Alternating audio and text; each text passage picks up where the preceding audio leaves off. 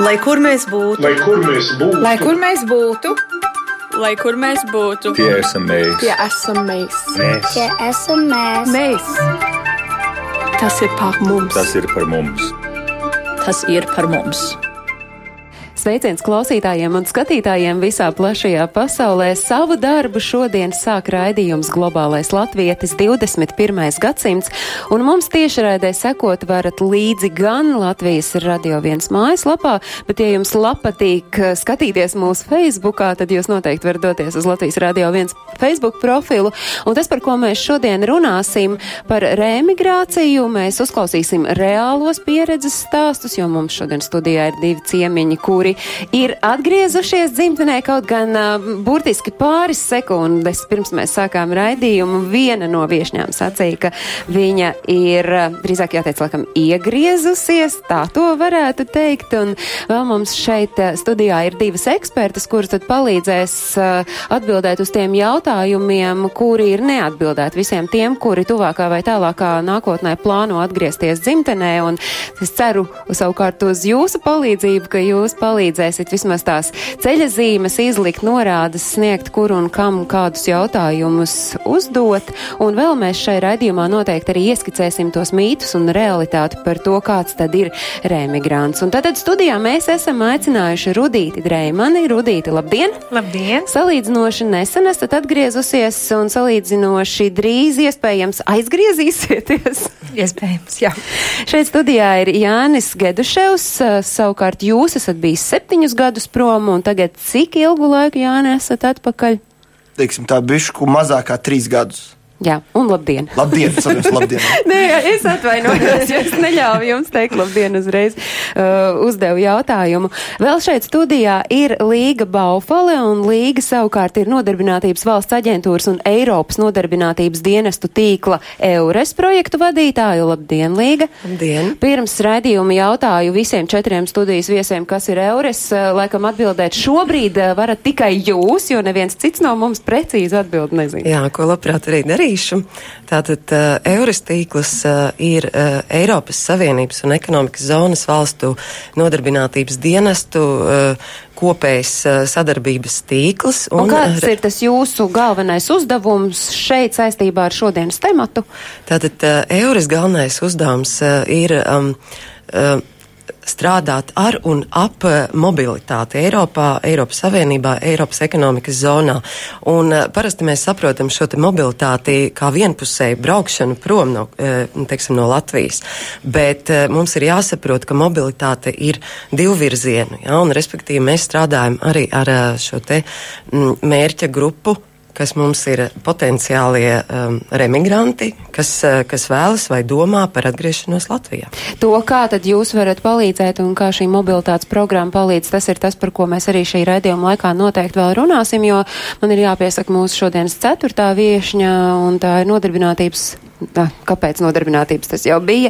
Reģionālā remigrācijas koordinātore, un jūs esat īja no vidzemes un atbraukusi no vienas no vidzemes skaistākajām pilsētām Cēsī Mīja Groza. Labdien! Labdien! Uh, ar, ja mēs runājam par reģionālo remigrācijas koordinātoru tīklu, tad uh, parasti mm, sa, va, burtu virknējumu paps mēs klāt pieliekam. Paps, tas ir kas un kas arī tad uh, paskaidrojiet ir jūsu jūsu galvenais uzdevums kā koordinātori? Tātad mēs esam Latvijā pieci reģionāli remigrācijas koordinatori. Katrā Latvijas reģionā mēs esam viena.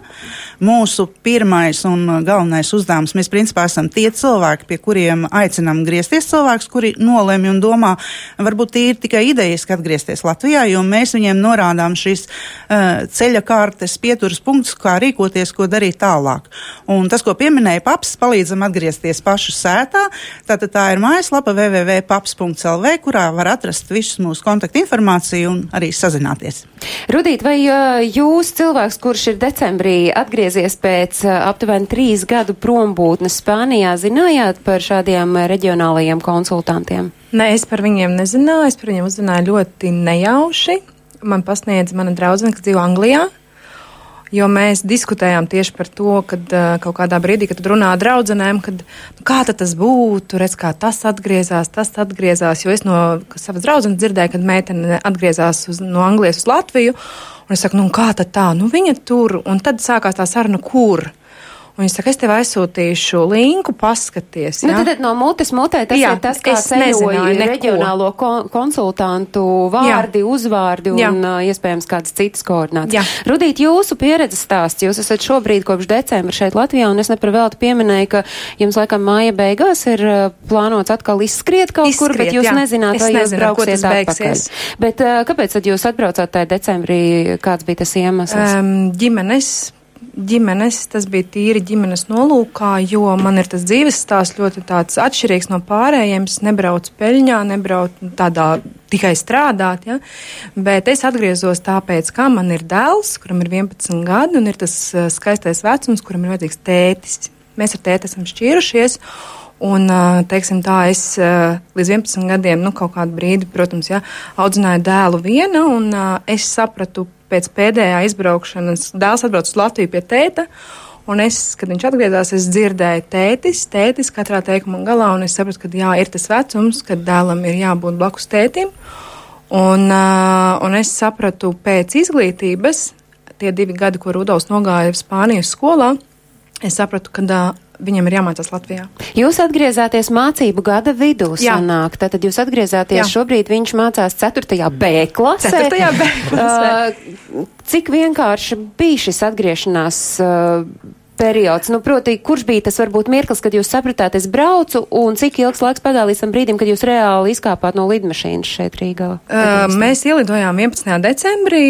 Un, uh, un tad sākās Ziemassvētku brīvlaiki, bet, principā, nu, ot, kad sanāk 3. janvārī, Rudolfs jau bija skolā. Ja, pa, to, pa tām divām nedēļām mēs visu sakārtojām. Jūs visu nokārtojat šeit uz vietas esot, un pirms tam Uh, nekādus. Uh, Mūsu koordināte apzināja tās vietas, kur Rudolfs varētu kā pretendēt, bet uh, sākumā bija tā, ka mēs nezinājām, kur mēs vēl dzīvosim. Un viss atspērās no tā dzīves vietas punkta, un tad mēs sākām uh, un kā jūs atradāt, kur dzīvosiet? to tētis.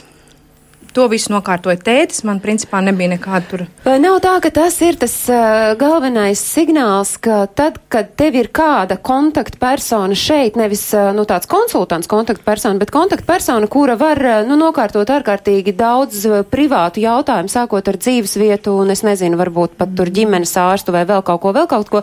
Ja tāds cilvēks šeit ir uz vietas, tad tā atgriešanās ir salīdzinoši vienkārša. Tiklīdz kā, nu, piemēram, visa ģimene ir prom un nav neviena ļoti tuva cilvēka, kurš varētu šos jautājumus risināt, tad sākas problēmas. Jā, tieši tā, un tas ir tas, ko mēs arī stāstam un aicinām cilvēkiem, kuri domā atgriezt sazināties, meklēt šo kontaktu informāciju, un mēs esam kā tādi aģenti. Aģenti, kur cilvēks izsaka to savu vajadzību, un Rudīt pareizi pieminēja, vispirms ir dzīves vieta, un tad tālāk jau mēs skatāmies, kas apaug ar, ar skolām, izglītību, darba iespējām, un, un tas tālāk. Uh, nu, cilvēkam ir jābūt idejai un domai, ko viņš vēlas, un uz ko viņš vēlas iet šeit Latvijā, un tad tieši tā mēs esam tie, kas iesaka. Nu, uh, bet jūs varat ko soļus. ieteikt? Ko mēs varam ieteikt? ieteikt. Cilvēks tātad- saka, es tagad gribu braukt uh, uz cēsīm. Es esmu dzirdējis, ka tur Tā ir, tad ir ārkārtīgi vilinoši, tur ir uh, droši vien bērnu dārzi, skolas, viss. Es gribu uz cēsīm. Nu, ko tad Nu, jūs tad, varat tad ir izdarīt? eh, nākamais jautājums, ar ko jūs gribēsiet dzīvot, kur, ko jūs gribēsiet strādāt, kas ir jūsu izglītībai specialitāte, ko nodarboties, vai jūs esat viens vai dzīves biedrs, kādas ir dzīves biedram vajadzības, kādas ir jūsu intereses tālāk, vai jūs sāksiet uzņēmēju darbību, vai gribat būt darba ņēmējs. Visi šie pakārtotie jautājumi, vai jums ir, teiksim, eh, kaut kādas sociālās palīdzības lietas vajadzīgas, vai mājokļi, vai, vai gatavi īrēt, tad šie visi jautājumi papildus jautājumi. Un bieži vien ir tā, ka cilvēks pat uh, neiedomājas tādus nianses, kas viņam varētu būt aktuāls un svarīgs šeit Nu, Latvijā. kas ir tās, uh, varbūt, mm, ieskicēt, kas ir tās, par ko neiedomājas? Neiedomājas tīri kaut vai tīri tādas sadzīviskie jautājumi, piemēram, ir, eh, cik izmaksās vispār dzīvošana, piemēram, dzīve eh, Cēsīs vai Rīgā atšķiras no dzīves dārdzības, eh, teiksim, Gulbenē vai Alūksnē. Dzīvokļu izmaksas, komunālās saimnieciskās izmaksas un arī tīri ienākumu izmaksas, jo cilvēkiem arī ir uh, dzird šo stāstu Latvijā vidējā alga, kāda ir 1100. Tad uh, reģionos ne visos ir šīs algas, un cilvēkiem arī jāmēģina stāstīt, kur šie darba devēji, kādi darba devēji, kādas šīs darba iespējas. Bet jūs, Rudīt, esat atgriezies uh, Rīgā galvaspilsētā. Jā, es esmu Rīgā, jā. Ko jūs darījāt ārpus uh, Latvijas, un vai to darbu savukārt jums bija vienkārši atrast, vai jūs esat konkrētā vienā darba vietā, vai tie ir uh, brīvi plūstoši darbi? Man bija brīvi plūstošais darbs, tāpēc es teicu, paldies Dievam, man nebija tas, kad es braucu konkrēti uzreiz strādāt. Man bija tā iespēja, es gadu nedarīju neko. Uh, man bija jāsavāc sevi rokās, man bija darbs ar sevi, ļoti liels darbs ar sevi, tāpēc, ka mazliet es biju pazaudējusies, tāpēc es aizbraucu. izdzīvot, uh, nedarot neko. N, jā, tāpēc man Man bija. es arī gribu vienkārši nedarīt neko kaut kādu brīdi. Man bija blakus cilvēks, man bija blakus māma, kas man palīdzēja dzīvot un tiešām savākt sevi rokās, jo tas bija jau tāds veselības problēma. Un līdz ar to mm, pēc, pēc gada apmēram es sapratu, ka kaut kas ir jādara, jo man palika jau garlaicīgi, un es sāku nodarboties ar to, ko es protu, tas, kas ir mans, tas, kas ir manas sirdslieta, jā, tās ir puķes, floristika, kāzas, dekorēšanas. Sākumā es nesapratu neko, ko man darīt, tad es sāku čubināties. Nu, bet šobrīd, atgriežoties kopš 11. decembra, kas ir tas, eh, kas jums šobrīd eh, šeit stāvot 15. martā, eh, neļauj pavisam droši teikt, ka tad, kad jūs pavasarī aizbrauksit, lai arī kur jūs aizbrauksit, ka jūs atbrauksiet atpakaļ? Kas ir tas, kas jums liek šaubīties par to, ka jūs esat atgriezusies mājās? Man liekas, man, man es šaubos par to, ka es gribu palikt Latvijā, varbūt, bet varbūt uh, manī iekšā ir tas, ka mēs dzīvojam pārāk īsu laiku, lai mēs tā kā pateiktu konkrēti, es esmu šeit un uz mūžu. Man, es esmu tāds radošs cilvēks.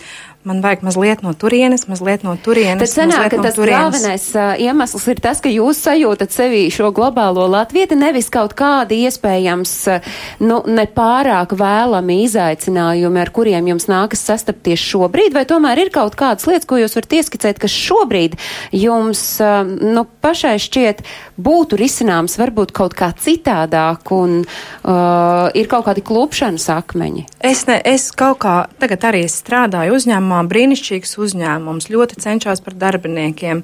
Viss ir it kā kārtībā, ja, bet pa lielam es saprotu tas, ka tā kā es gribētu dzīvot finansiāli, es nevaru izdzīvot. Es gribu dzīvot, bet šobrīd, šobrīd, es nezinu, varbūt pēc pieciem gadiem mainīt to situāciju, tad šobrīd es ļaujos tur, kur es varu izdzīvot. Šeit Latvijā Šobrīd jums es nevaru, es nevaru Finansiāli jautājumi. Finansiāli es nevaru izdzīvot. Un pats pamata klupšanas akmens tā ir dzīves vieta, jo Latvijā manā izpratnē, e, labi, es atlidoju, es, es gribu šeit dzīvot un stāvu ar čemodāniem uz sliekšņa, ja, un es sāku meklēt, īrēt dzīvokli. Man nav dzīvē paveicies, teiksim, ar mantojumiem, ka man būtu. Šis īrēšanas tirgus Latvijā, viņš ir vienkārši, es atvainojos, bet nenormāls. Tiešām nenormāls. Un gribu teikt, nu, nu negribu es dzīvot savā vecumā un uh, kojās ar studentiem. Nu, es esmu dzīvojis kojās, visi ir forši kaut kādu Tas laiku posms posmu. Man liekas, nu, dzīvē. iesim tālāk, ja. Ir Un kaut kādi sākas- birokrātiski šķēršļi arī jūsu palikšanai šeit ilgāku laiku. Nu, kā to skatās? Man liekas, man liekas, ka šobrīd man tā dzīves vieta ir tas mans pirmais klupšanas akmens, jo saņemot atalgojumu, ko šobrīd saņemu, un, nu, tā kā perspektīvā skatoties apmēram vairāk vai mazāk, es nevaru nodrošināt sev to dzīves vietu.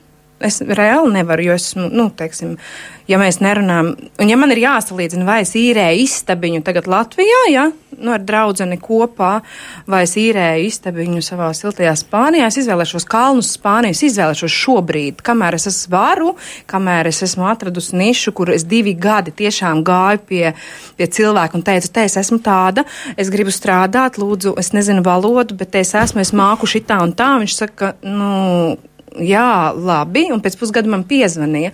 Un tagad, pēc diviem gadiem, viņš saka, Rudīt, tu man esi vajadzīga, un pateikt, nē, nē, nē, es te vēl meklēju, Nu, palikt. dēls ar tēti. Tēti. Viņš palika šeit, tad, ja Viņš jūs dotos, jūs dotos Jā, uh, jā, viena pati pasaules Viennoz- klejojumos.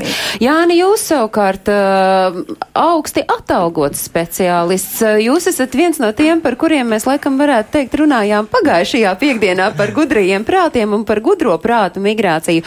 Jūs bijāt gana ilgu laika periodu prom, tagad jūs esat gan ilgu jau laiku, trīs gadus atpakaļ. Tas jūsu atgriešanās stāsts, nu, ja jūs tagad klausāties Rudītē un arī iespējams savos rados draugos pazīstams, pārziņās. Jūs redzat, ka, piemēram, pirms trim gadiem jums bija vienkāršāk atgriezties Latvijā nekā tagad, ja jūs, piemēram, tagad to darītu? nu, tā, ka pirms trim gadiem, ja es atgrieztos, es domāju, nu, tā kā es tagad atgriezos, man bija diezgan vienkārši, bet eh, teiksim, tas lēmumu pieņemšanas process bija teiksim, tā, kombinēts. Cik ilgu laiku vispār jūs domājat, un kas bija tas galvenais, uh, nu, tas pēdējais piliens, kad jūs teicāt, jā, es braucu mājās? Pirmkārt, bija tas, protams, jāpabeidz mācības, kā nekā es tajā laikā mācījos Zviedrijā maģistrūrā. Jau biju, biju un es biju pareiķinājis, nu, pēc, pēc gada, kā tur uz diviem, kad es beigšu, tad es domāju, vai nu es palikšu tur, Bet uh, tajā pašā laikā man bija draudzene arī Latvijā dzīvojusi. Ļoti bieži pie viņas lidoju atpakaļ. Un, uh, kā teiksim, pieturpunkts atgriezos vispār atpakaļ Latvijā, bija tas, ka viņi dabūja ļoti labu atalgotu darbu Latvijā. Bet viņi meklēja arī ārpus Latvijas? Jā, ārpus, bet, diemžēl, kad tu, teiksim, meklē darbu no Latvijas uz ārzemēm, tu nevari, teiksim, dabūt tik augstu kvalificētu darbu kā Latvijā. Nu, tāds ir tirgus, kas saka, savējiem viņi vienmēr būs. Un uh, es izlēmām, tas ir kopā, ka jā, es atgriezīšos atpakaļ, jo man būs teiksim, tā darba vieglāk atrast šeit. Gan arī mums noveicās teiksim, to ar, uh, ar dzīves vietu. Mums ir ļoti, teiksim, mums ir pašiem savs dzīves vietas dzīvoklis. Ko... Noveicās. Jā, tas jo tas ir lielākais, ka noveicās, ka ir savs dzīvošana. Jo, piemēram, arī pašā laikā mēs skatījāmies Zviedrijā. Dzīvokļu cenas Zviedrijā, teiksim, tā, nu, varbūt tik tālu, ka no centra kā pļavnieki 34 kvadrātmetri, 4 miljonus eiro maksā. Un īra mums piedāvāja, teikt, kas pa draugam teica 1000 eiro mēnesī. Bet tajā pašā laikā man bija, ka, teiksim, tā klases biedra, kas jau strādāja. Nu, par tādu summu, teiksim, tā, ja tu saņem algā, teiksim, kā viņam, laikam, pirmā alga bija 3000 eiro, noņem visus nodokļus. Beigās bija tā, ka tik un tā puse aiziet uh, īrē. Un, teiksim, tā poeta punkts bija tas, ka labi, braukšu atpakaļ uz Latviju. Teiksim, sliktākajā gadījumā mēs arī abi paši varam aizbraukt prom. Teiksim, tā, ja sanāk, tad sanāk, jo ja nesanāk, nu, tad nesanāk. Cik bieži jūs savukārt savā darbībā kā konsultanti jūtat to, ka tas, ka cilvēkam ir kur apmesties, vai viņam ir pietiekami daudz līdzekļu, lai viņš varētu iegādāties, nu nezinu, cik daudz ir tādu gadījumu, kad var iegādāties neņemot aizņēmumu. Uh, dzīvokli, gribētu- ka tas ir galvenais rādītājs, lai tur to šaubu būtu mazāk. Uh, Es gribētu teikt, ka viena trešā daļa ir apmēram tāda, kas uh, cilvēki, kuri saka, man ir savi iekrājumi par saviem iekrājumiem, es esmu gatavs īrēt vai, vai iegādāties par savām, un pārējiem ir tad vai nu viņi ir atgriežas savās dzimtās vietās, savās lauku mājās kaut, vai savos īpašumos, un tad apmēram viena trešā daļa tā, kuriem būtu nepieciešams šis mājoklis. Un, ja runājam par mājokli, tas ir arī viena no milzīgām problēmām, kas arī mums ir jārisina, ko patiesībā mēs nevaram atrisināt, un arī cilvēkiem neko vairāk mēs nevaram piedāvāt kā to, kas ir. Bet jūs redzat kaut kādu, nu, tālajošāku risinājumu, nu, kas ir tas, kādu tad mm, iespēju šiem cilvēkiem var ieteikt vai piedāvāt? Jo es saprotu, ka arī, piemēram, kredītsaistības mm -hmm. tu cilvēks kārtot vari sākt tajā brīdī. No sešiem mēnešiem. Principā seši mēneši, lai, lai, eh, protams, ir šī valsts altuma programma jaunajām ģimenēm, jauniem specialistiem, arī mēs ieskam, bet ir pirmā šī robeža seši mēneši.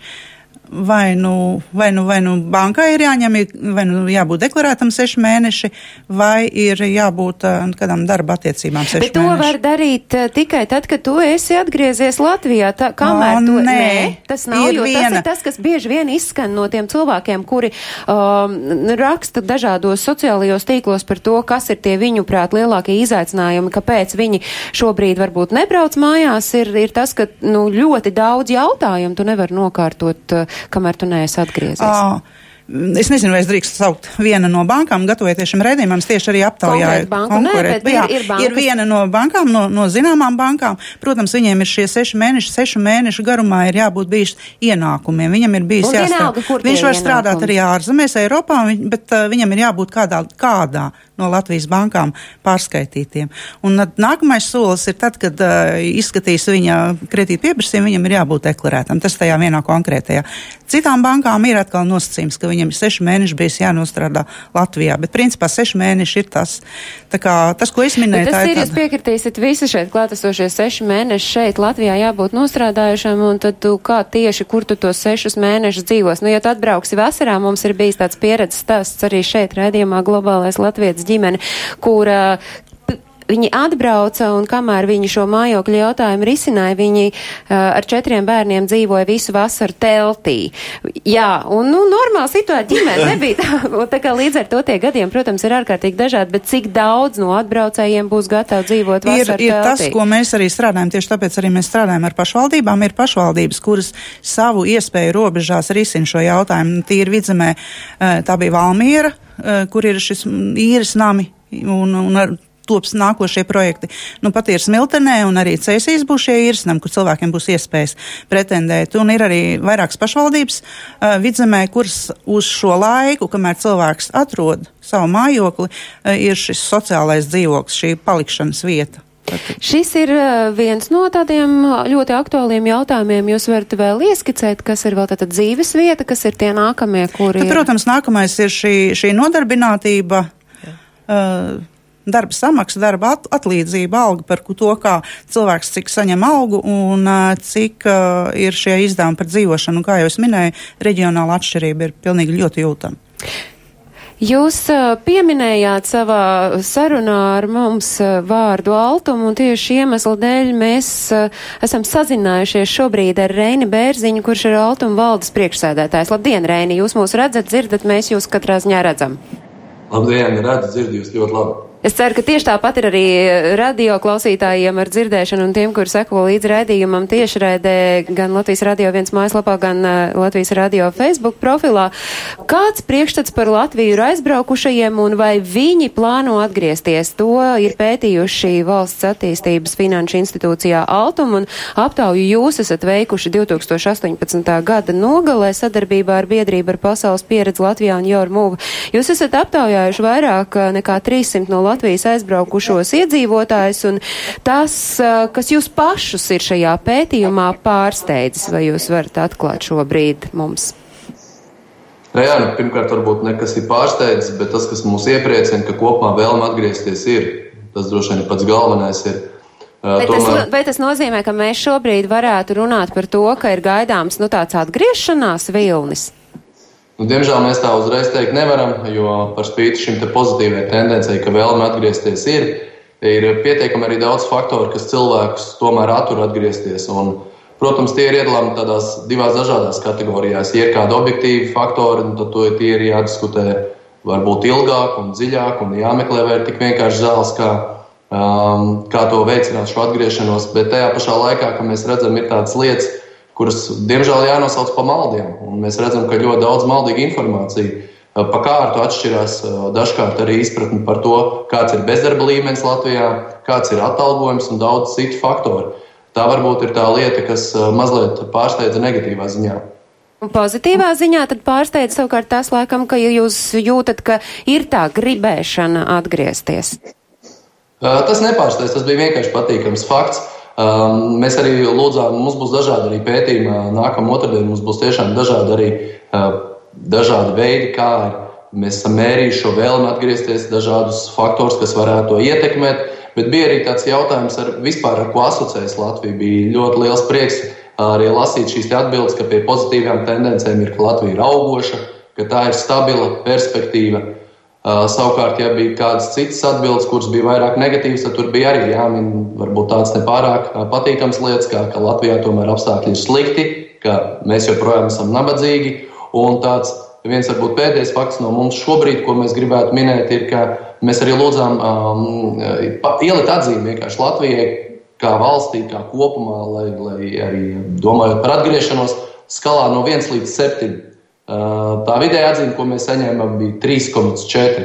Tā kā arī tāds nu, Latvijas pelēkais likās. Nepārāk labi, bet nu, arī ne, neiznīcinoši slikti. Nu, tas ir tāds mums pašiem, ko pārdomāt, bet es saprotu, ka vēl viens no jautājumiem, ko jūs lūdzāt aptaujas dalībniekiem apdomāt un uz kādu atbildēt, kādas varbūt ir Latvijas priekšrocības salīdzinot ar tām zemēm, kur, tās, kur tie aptaujātie respondenti dzīvo. Jā, un tur mēs sniegsim ļoti daudz un procentuāli to izklāstu par to, kādas ir šīs priekšrocības, bet tomēr numur viens uh, bija tas, ka dzīves izmaksas kopumā Latvijā ir jāatzīst, ka ir labākas nekā tajās valstīs, kur mēs arī cilvēkus anketējam. Par to mums bija prieks, un mūsuprāt, tā ir tomēr objektivitāte. Ja? Ir varbūt ir valsts, ar kuru atalgojumu mēs sacensties nevaram, bet tas vienmēr ir jāskatās kopā arī par šo dzīves kvalitāti izmaksu ziņā. Un vēl tad varbūt ir jūs varat ieskicēt vēl, kuri varētu būt no, no pētījuma raugot tie faktori, kas veicinātu atgriešanos vai ļautu pārdomāt uh, to lēmumu par labu braukšanai atpakaļ uz dzimteni? Nu, viens no tiem bija arī dzirdēju mazliet diskusiju pirms, pirms mēs arī sākām sarunāties šobrīd. Ja jūs diskusiju paklausījos, un arī izskanēja mājokļu jautājums. Un tas bija, starp citu, arī viens no prioritāriem minēts cilvēkiem kuri domā, apsver atgriezties vai nē, un tad mājokļa jautājums ir ļoti izšķirīgs bieži. Uh, un šeit arī varbūt, nu, varbūt ir žēl, ka ir cilvēku kategorija, kur domā, ka valsts nesniedz atbalstu. Nu, īstenībā atbalsts tiek sniegts, atbalsts tiek sniegts speciāli galvojuma formā, un to jau ir izmantojuši jau desmit tūkstoši ģimenes. Tā kā nu, šī arī tāda interesanta šķautne bija. Paldies, liels Reinis Bērziņš, Altuma valdes priekšsēdētājs, un ja jūs interesē vēl šīs nianses, ko Reinis pieminēja, kas at, aptaujā atklājas, tad jūs varat doties uz šīs aptaujas rezultātu prezentāciju, kas vienlaiks būs arī diskusija par šiem tematiem, un tā, tā notiks 19. martā. Me, meklējiet vietu, kur un cikos, es varu pateikt, cikos, tas būs pulksten 11. Vairs nav tie laiki, kad latvietis sevi par latvieti varēja saukt tikai sava tēva sētā. 21. gadsimtā latvieši ir visur. Vai tie būtu vecie trimdinieki, jaunie emigranti, pasaules slavu guvušie vai vienkārši sevis meklētāji? Mēs uzrunājam latviešu diasporu visā pasaulē. Raidījums diasporai - globālais latvietis 21. gadsimts. Globālie Latvijas Radio 1. Globālie latvieši turpina šeit diskutēt arī multimediju studijā, kas atrodas Latvijas Radio 1 Doma laukumā 8, un es atgādinu, ka studijā ir Rudīte Dreimane un Jānis Gedušaus, kuri ir cilvēki ar pieredzes stāstiem, un ir Līga Baufela nodarbinātības valsts aģentūras un Eiropas nodarbinātības dienestu tīklu projektu vadītāja, un arī Ija Groza, kura kura ir reģionālā reemigrācijas koordinātore vidzemē. Liekam dzīvošana nost, eh, to dzīvošanu, es nezinu, nu var tiešām, kā es minēju, var mm, mēģināt eh, teltīs padzīvot kādus, kādu pusgadu, bet, uh, lai tu varētu tikt kādu soli tālāk, tev ir jādabū arī darbs, un tad par šo darbu runājot, jūs, Jāni, braucāt atpakaļ, jau skaidri zinājāt, kur strādāsit? Nē. Atbraucāt un tad meklējāt? Jā, atbrauc un tad meklēju. Bija apmēram plus mīnus paskatījos, kas tirgu ir aktuāls, bet tādā ziņā braucu tāpat kā, es dzīvoju gan Zviedrijā, gan Nīderlandē. Es vienkārši braucu un uz vietas biju. Jums kā vidas inženierim, nu, jūs esat tādā privileģētākā situācijā, tā to var teikt, pēc jums stāv rīta. Nu, teiksim tā, tir, tirgu ir pieprasījums, pēc, ir pieprasījums, bet arī, teiksim, tās labākās vakants arī grūti atrast. Tā kā tur ir. Bet ko... jums izdevās cik ilgā laikā darbu dabūt? Ja es atbraucu 17, 20, 16. septembrī, es darbus uzsāku 13. novembrī ļoti īsts periods, piekritīsit, bet nu tad kā man nepatīk vārds pareizi, bet kā jūs ieteiktu rīkoties tajā situācijā, kad mēs, cilvēks vēl ir prom, bet viņš plāno atgriezties, kā tā darba meklēšana notiek? Tātad mēs kopumā mēs ļoti daudz strādājam preventīvi ar, ar, ar sabiedrību, ar mūsu mērķa auditoriju, un ko mēs vienmēr cilvēkiem arī iesakām, ja, ka pirms, teiksim, izdarīt šo te pēdējo soli iekāpt lidmašīnā vai iesaisties vilcienā, jebkādā transportā un, un atbraukt uz Latviju, ar sevi ir jāstrādā ļoti konstruktīvi un pietiekami ilgu laiku. Kā? Tātad katras, katra mazākā detaļa, ko, ko mana kolēģe jau arī izskaidroja, ka ir jāapdro, jāapdomā katrs sīkākais solītis, ir jāpadomā, jāmēģina atcerēties, kā cilvēks devās prom, kas viņam bija jāpaveic, ierodoties ārvalstī. Tad tieši apgrieztā kārtībā jāsāk domāt, kas viņam būs jādara, ja viņš plāno pārcelties uz dzīvi atpakaļ uz Latviju. Jā, tātad tās ir dažādas dokumentu kārtošanas, gan vēl atrodoties uh, tajā valstī, kur, kur, kur uzturās, uh, dzīvo, strādā, jā, uh, gan atgriežoties Latvijā, kas būs jāpaveic. Ja šis viss būs izplānots, jā, tad cilvēkam arī tas ceļš būs vieglāks. Un, protams, viens no būtiskākajiem faktoriem ir sākt ļoti saulaicīgi meklēt uh, darbu. Tagad uh, šīs darba meklēšanas iespējas ir ļoti plašas. Uh, mēs dzīvojam 21. gadsimtā, mēs, uh, mums tehnoloģijas attīstās nepārtraukti, informācija plūst pa dažādiem kanāliem. Jā, datu bāzes ir pieejamas uh, internetā, uh, vakances. Bet kāda online, ir eures, ko jūs pārstāvat loma šajā darba meklēšanā? Tātad uh, Euris konsultanti, kas strādā arī reģionos, uh, sniedz dažādas konsultācijas, un ja cilvēks vēršas attiecīgi pie Euris konsultanta, tad nu, mēs atgādinam cilvēkiem soli pa solim kas ir jāveic.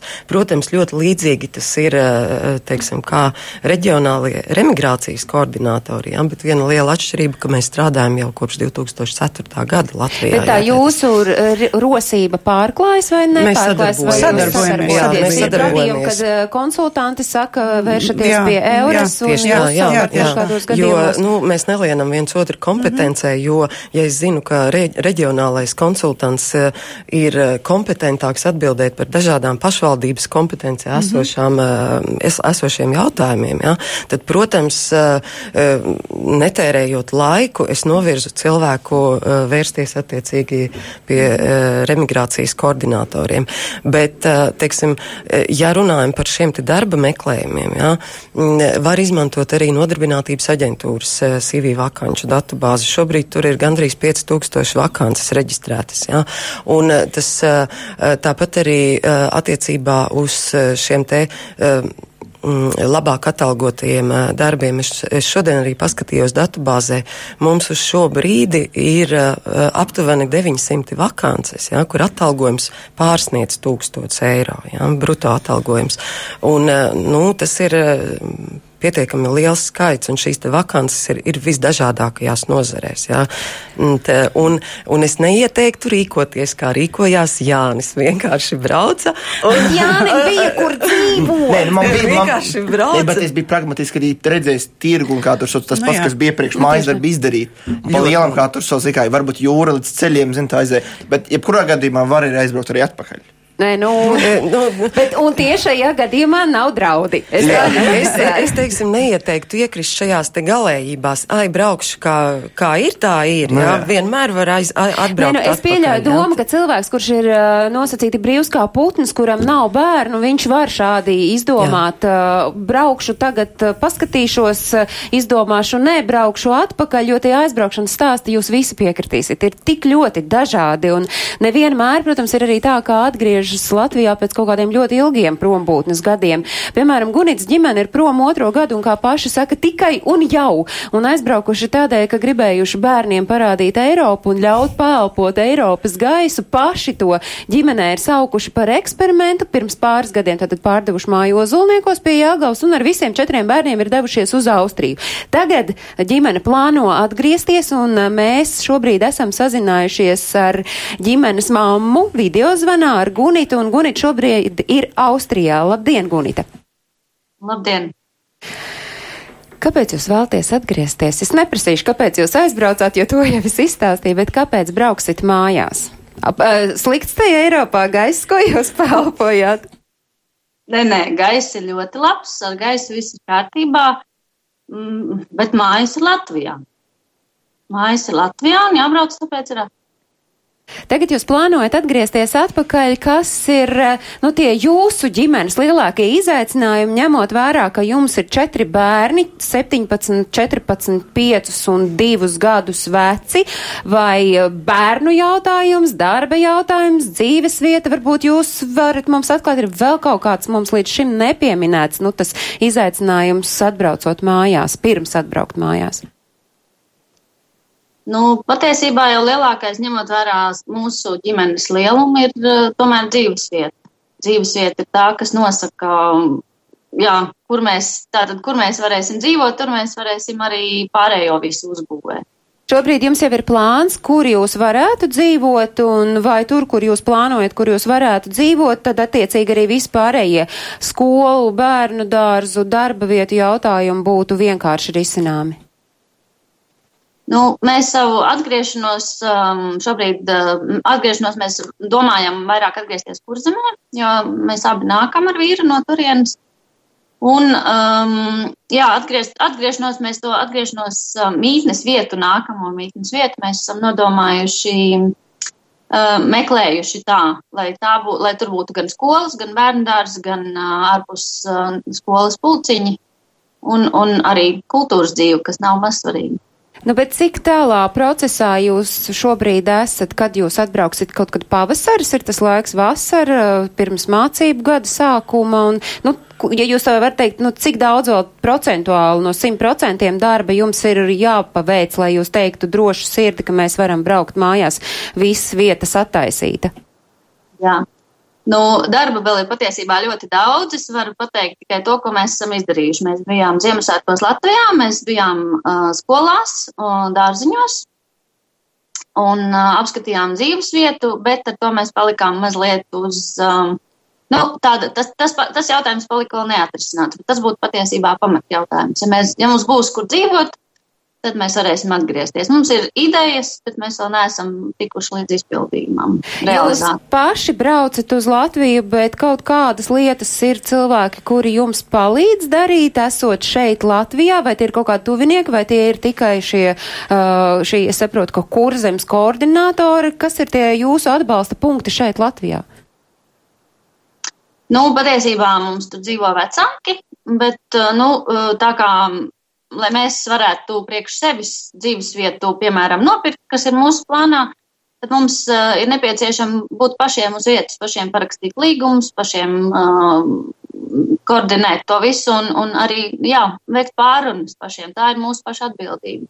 Cik daudz vecāki var palīdzēt? Es nezinu, tur bērnu skolā iekārtošana, vai tur arī jums ir pašiem viss jādara? Nu, dokumentus es domāju, ka viņi var aiznest, bet, nu, jā, tas nav skolas pašas atkarīgs. Bet, nu, katrā gadījumā mēs plānojam, ka bērni paveiks uh, mācību gadu šeit, kas beidzas Austrijā uh, jūlija pirmajā nedēļā. Un tad mēs plānojam atgriezties. Un ar skolām mēs patiesībā un dārziņiem, ar skolām mēs redzam maz problēmu. Skolas ir gatavas paņemt mūsu pusauģus pretī un ir gatavas, jā, piedāvāt vietu skolām. Nu tad tāds noslēdzošais jautājums, nu kas tad būtu uzlabojums, jū, uzlabojams, izējot caur tam jūsu pieredzes stāstam, kas varbūt vēl pieklibo tajā procesā, lai jūs varētu atgriezties? Ko mēs no savas puses varētu darīt? Um, jā, nu, savā ziņā tad varētu būt uh, atvieglot uh, bērnu dārzu rindas, kur Latvijā, piemēram, cik mums ir piecgadnieks, uh, mums ir tātad vienam noteikti no bērniem ir nepieciešama piecgadīgo pirmskolas apmācība. Un, um, jā, nu, tur tā kā mēs neesam Latvijas rezidenti, šobrīd mēs nevaram iest uh, savus bērnus pierakstīt rindā, ko mēs bijām izdarījuši iepriekš savā iepriekšējā pašvaldībā dzīvojot bet šobrīd mēs neesam Latvijas rezidenti un um, mēs nevaram iestāties šajā bērndārza rindā. Tā šobrīd, laikam, jā, arī viena liela, nu liela nē, bet, nu, tas ir risināms jautājums un svarīgs jautājums. Paldies, Gunīt. Es gribu teikt, ka mēs, eh, ja jūs pateiksit, kad jūs atlidosit, mēs varētu, nu, tādu mazu solījumu teikt, ka mēs varētu aizbraukt jūs sagaidīt, bet paldies eh, jums par jūsu pieredzi stāstu un arī, protams, par to, ka jūs braucat mājup. Tā bija Gunīta Bumbiere, četru bērnu māma no Austrijas. Uh, Tas bija arī mans jautājums par to bērnu dārzu. Ko tur Jā, darīt? es patiesībā es gribētu teikt, ka visur nav tieši tā kā Gunits saka tāda situācija. Bērnu dārs ir pašvaldību kompetence, un tas ir tas, kā pašvaldība uh, regulē šo jautājumu. Uh, es zinu, ka ir pašvaldības, piemēram, Cērs, Valmieras pašvaldības ir, jo svarīgi ir vispirms rinda, un rindā pieņem bērnus uh, šos iesniegumus arī tajā situācijā, ka cilvēks vēl ir ārzemēs, viņš nav Latvijas rezidents. Un svarīgi būt ir deklarēšana būt rezidentam tad, kad piešķir uz to brīdi. Tā kā tas ir pašvaldība risināmais jautājums, un tas ir atrisināms pašvaldību labā griba un sapratne. Nu, bet tajā jūsu darba pieredzē, nu, cik ir tādu, kuri interesējas, ka viņi gribētu braukt māju, cik ir tādu savukārt, nu, kur tad reāli atbrauc un kas ir tas, kas jums, un to apdomājot, varbūt visi, ir tas galvenais iemesls, kāpēc cilvēki nebrauc mājās? Tas, kā jau Reins Bērziņš arī minēja, patiesībā es arī biju pārsteigta par to, ka nebrauc mājās cilvēku priekšstats par Latviju. Liekas, cik ļoti daudziem tas priekšstats ir, ka Latvijā dzīve ir tāda, kāda bija pirms 10, 11 gadiem. Tā situācija, tā ir tā viena lieta, otra ir cilvēki, kur arī pat pat vairs nedomā arī atbraukt. Viņi jau ir iedzīvojušies ārzemēs, un, un šis arī bailes un nedrošība, kā man būs, kā es jutīšos, kā es iedzīvošos, pagaidīšu. Un no tiem cilvēkiem, kuriem es sniedzu arī šos pakalpojumus un šīs informācijas, ir ļoti daudz tādu. Pagājušajā gadā īpaši izteikti bija, kuri plānoja, kuri atgriez, plāno atgriezties šogad, nākamgad viņi reāli izzina situāciju. Tas, kā Līga saka, viņi tiešām jēgpilni un ar saprātu domā soli pa solim, ko es darīšu, kā man būs. Un arī tas mans aicinājums arī ir visiem patiesi uh, vispirms izdomāt, izplānot, jo tas nav emocionāls lēmums. Tas, tas, tas nedrīkst būt emocionāls. Emocijas ir atgriezties uz dzimteni, uz savām mājām, bet pieņemot lēmumu, ir jānoliek emocijas mazliet malā un ir racionālais. Bet ar ko ir varbūt jārēķinās, nu, arī, arī pieņemot šo ļoti mm, pragmatisko mm -hmm. lēmumu un noliekot emocijas malā, kas ir tas, nu, kas ir vienmēr jāpatur te pakausī, uh, ar ko būs jārēķinās? Nu, patiesībā es gribētu, es gribētu teikt, ka uh, viņi ierodoties šeit, viņi ir tieši tādi paši Latvijas iedzīvotāji, Latvijas pilsoņi, kā visi mēs pārējie. Un arī uh, viņi netiek nostādīti ne sliktākā, ne labākā Uh, nu, Jā. viens otram pret Tieši nav tā, arī, uh, arī uh, teiksim, viņiem aizbraucot, tad, kad viņi aizbrauc, arī tur viņiem vajadzēja kārtot visus šos te dokumentus. Tad, nu, arī jāmēģina atsaukt, atsaukt vairāk dokumentus, jā, tā, tā, tāpēc, sēdi uz, uz trepītēm un, un, un tur un, ir īšas. Latvija patiesībā nebūtu nav tik birokrātiska, kā Nē. publiskajā telpā bieži vien izskan, ja, un, un kas mm. es parasti arī ar cilvēkiem runājot, es, es iesaku, neklausieties tajās eh, negācijās par Latviju. Un mēs te dzīvojam. Jo. Un, uh, un uh, mēs dzīvojam uh, ar to, kas mums ir. Jā, bet slikti. mēs dzīvojam. Nē, nē, nē, te jau nav vārds par slikti vai neslikti, un man liekas, arī nav tas dalījums nē, ne, mēs vai jūs, bet vienkārši iespējams, ka mēs šeit dzīvojot ļoti daudzus, nu arī tos birokrātiskos šķēršļus uzskatām par pašsaprotamiem. Savukārt, atbraucot no tās mītnes zemes, kur arī ir bijis, nu, es saprotu, tomēr nebija tā, ka tur izritināja sarkano paklāju, visi ziediem orķestrs, forši, ka jūs atbraucāt. Nu, tad tomēr Nu, kas ir tas, kas varbūt jāņem vērā? Nu, ir? es tikai tīri par savu pieredzi, kad, ja es aizbraucu, senāk gandrīz trīs gadi atpakaļ, Rudolfam bija jāiet, viņš bija beidzis Latvijā pirmo klasi, tad senāk, Spānijā vajadzēja iet otrajā klasē, bet viņš gāja trešajā, ņemot vecuma tās starpības, ja?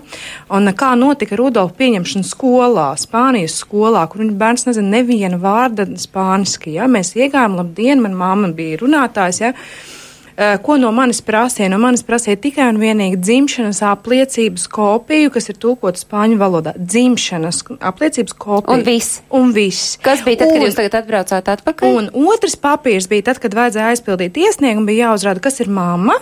Un kas ir tētis? Un tad, kad es uzrakstīju tētis, eh, tad vajadzēja parakstīties apakšā. Un es saku, nu, ka tētis nevarēs parakstīt to iesniegumu. Mm. Un tad prasīja jautājums, kur ir tētis. Un es saku, tētis ir dzimtenē, ja Latvijā. Mm, un tad viņa ieminējis par to, ka vajadzētu šo atļauju no tēta, ka tēta ir informēts, ka viņš tagad ies uz spāņu skolā. Bet, bet vajadzības formā tas Vajadzības formā tas būtu, lai tētis zina, kur tas bērns ir, lai nav mm, nepatikšana tīri viņiem, jo ir gadījumi, kad mammas atved bērns tēti, nu, nezina, tēti sāk meklēt. Bet mūsu nebija tas stāsts, man bija tēta atļauja, paskopija un viss, ja. Bet atbraucot šeit, kas man nomulsināja līdz pēdējiem, ka mēs iegājām. Mēs izvēlējāmies ļoti vienkārši, ļoti foršu skolu direktors, superīgs, sarkandavas, sarkandavas 28. vidusskola. Ja? Ļoti mīļi sagaidi, ak, Dievs, jūs no Spānijas, tik forši cilvēki, visforši, un sākās, ja? Mums vajag papīru tādu, mums vajag tulkojumu, mums vajag apstiprinājumu, mums vajag tulkojumu, kas ir notariāli apstiprināts izglītības dokuments. Un es nesaku, kāda būs starpība. Bet, starpība tam, kad ja, jūs redzat sekņu izrakstu.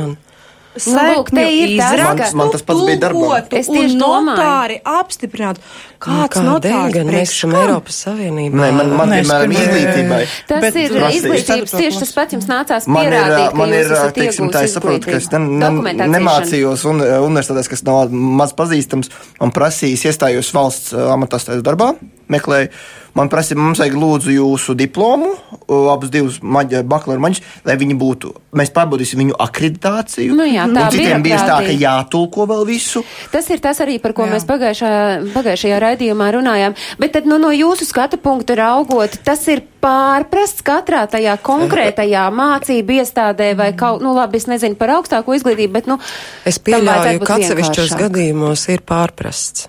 Jā. Jo es tādu situāciju, nu, savās skolās, savā reģiona skolās, kad es saprotu, ka Rudolf gāja uz nu, pamatskolas, sākuma skolas klasi, jā, nu, es neesmu dzirdējis, ka kādā skolā prasīja. Tas, ko es saviem klientiem arī saku, un ko mums skolās prasa, ir, viņš bē, ierodas bērns ar vecākiem, ir šī saruna, skola konstatē, nu, viņa zināšanas, viņa valodas prasmes, kāds nepieciešamais atbalsts būs jāsniedz skolai, un, nu, apliecinājums, kurā var redzēt, kuru viņš ir mācījies. Nu, nu, Īsāk bet nevis sakot, tad, tulkots, uh, ne notariāli apstiprināts. Bet mēs to visu iesakām. Bet ko jūs iesakāt tādā situācijā rīkoties? Nu kā, nu, tur ir aci divi cilvēki, viens saka, Bet, man uh, vajag, lai jūsu bērns nāktu. Nu, kur? Tāpēc pilnīgi noteikti mēs aicinām sazināties un izmantojiet mūs kā šos reģionālos koordinators un noteikti griezieties pie mums un uh, mēs zinām, ar ko tālāk sazināties, kur palīdzēt jums un kur, Kur meklēt palīdzēt. Kur, palīdzību. kur noskaidrot šo, Kur noskaidrot šo informāciju situācijas un informāciju tālāk.